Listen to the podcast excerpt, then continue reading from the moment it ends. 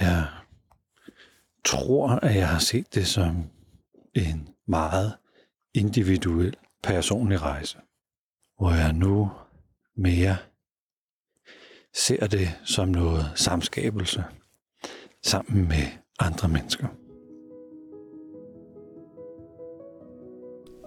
Velkommen til Hverdagsbilgrim. Mit navn det er Flemming Christensen. Så er jeg kommet ud og gå. Jeg har været hjemme et stykke tid fra min tur til Ægypten. Og landet i Danmark med både vinter og lidt forår. Lige nu der pivregner det. Og jeg er ude og gå i mit vintertøj. Jeg har tænkt rigtig meget på mine oplevelser i Ægypten. Og har besluttet at lave nogle ændringer i måden, jeg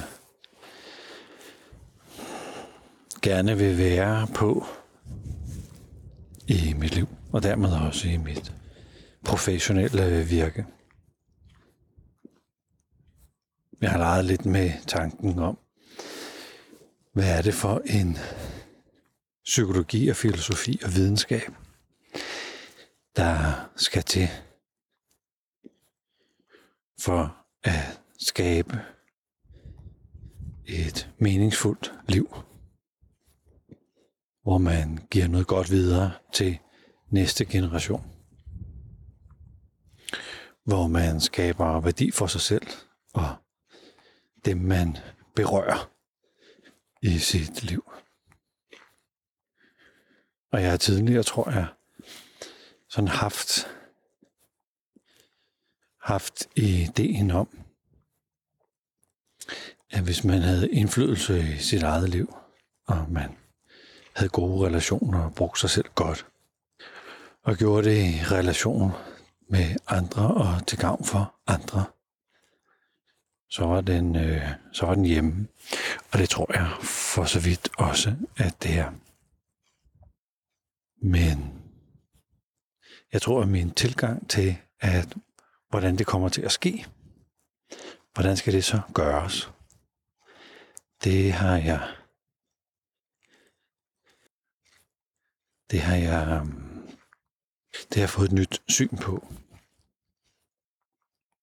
Jeg tror, at jeg har set det som en meget individuel personlig rejse. Hvor jeg nu mere ser det som noget samskabelse sammen med andre mennesker.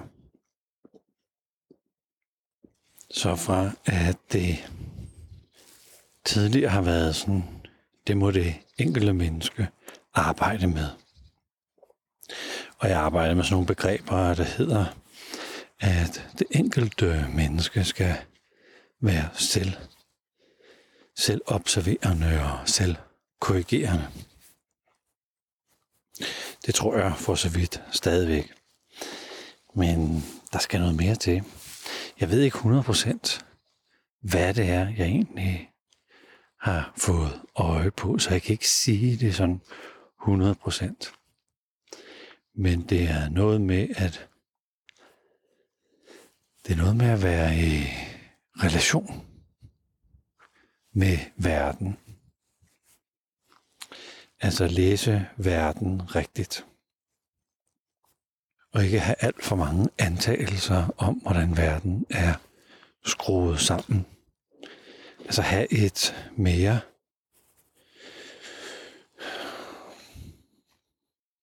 et mere fagnende verdensbillede. At have en eller anden dybere forståelse af, hvad, hvad gør egentlig, hvad gør egentlig en forskel, altså en, den egentlige forskel.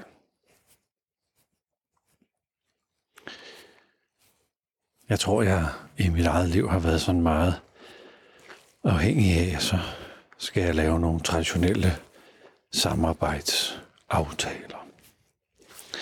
Eller jeg skal lave noget til gavn for min kunde, når vi indgår i et partnerskab.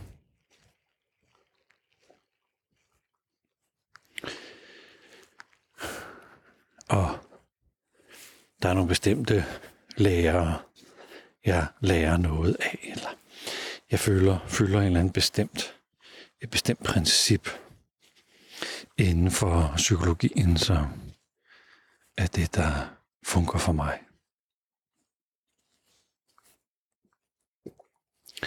Men jeg tror, at, at der kan være noget blindhed. Eller jeg tror, individet måske får lidt for meget unødig plads. Og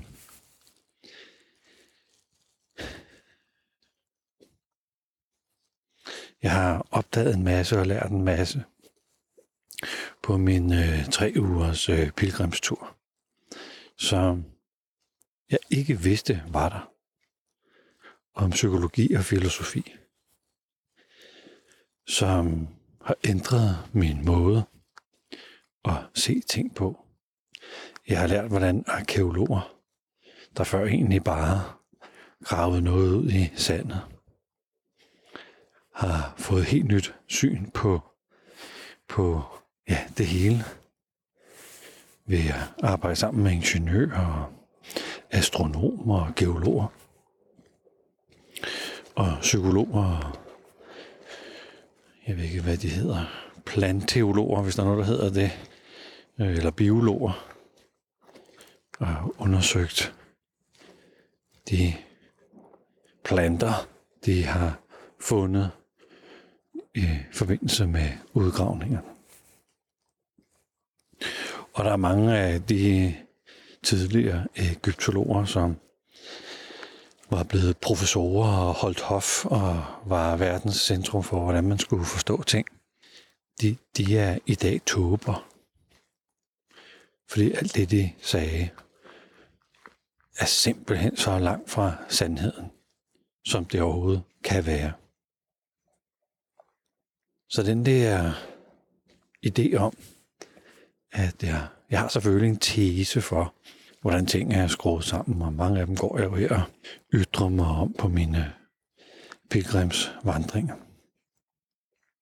Men tænk, hvis jeg samtidig kunne have for øje, at det er måske sandt. Og at jeg, mens jeg render rundt og påstår, at personlig udvikling er godt, og det at lede sig selv godt i livet, det er godt. Altså alle de antagelser, jeg har. Tænk, hvis jeg samtidig også var nysgerrig på alternative antagelser. Så der er selvobservationen, som jeg stadig tænker er god. Der er selvkorrektionen, som jeg også tænker er god. Skal der være en tredje? Eller skal der være et eller andet, som er skruet ind i de her to komponenter? Det ved jeg ikke. Men det er et eller andet med at kunne holde flere perspektiver samtidig. Flere perspektiver på sig selv samtidig. Det kunne være selvobservationen, at, at der ikke er der ikke er én selvobservation, men, men der er det af flere perspektiver. Eller er det at holde flere sandheder samtidig? Straks kommer jeg til at tænke på min, min mor, som øh, har kramper i sit ben. Og så går hun til en specialist inden for et område, og så går hun til en anden specialist inden for et andet område, og så går til en tredje specialist inden for en tredje område. Men hvad nu hvis røgmotologen og øh, neurologen og diætisten og fysioterapeuten og mavetarmspecialisten. Og Men nu hvis man kunne få et møde med dem, og så holde alle deres sandheder i rummet, samtidig som man ikke blev, fik indavl på en bestemt idé, fordi man nu er specialist på en bestemt måde. Så det her med at holde, holde flere sandheder eller perspektiver samtidig, det skal jeg på en eller anden måde have med i mit liv. For på tre uger har jeg oplevet, hvordan jeg blev nødt til at give slip på, på ting, jeg troede, eller måder, jeg troede ting på.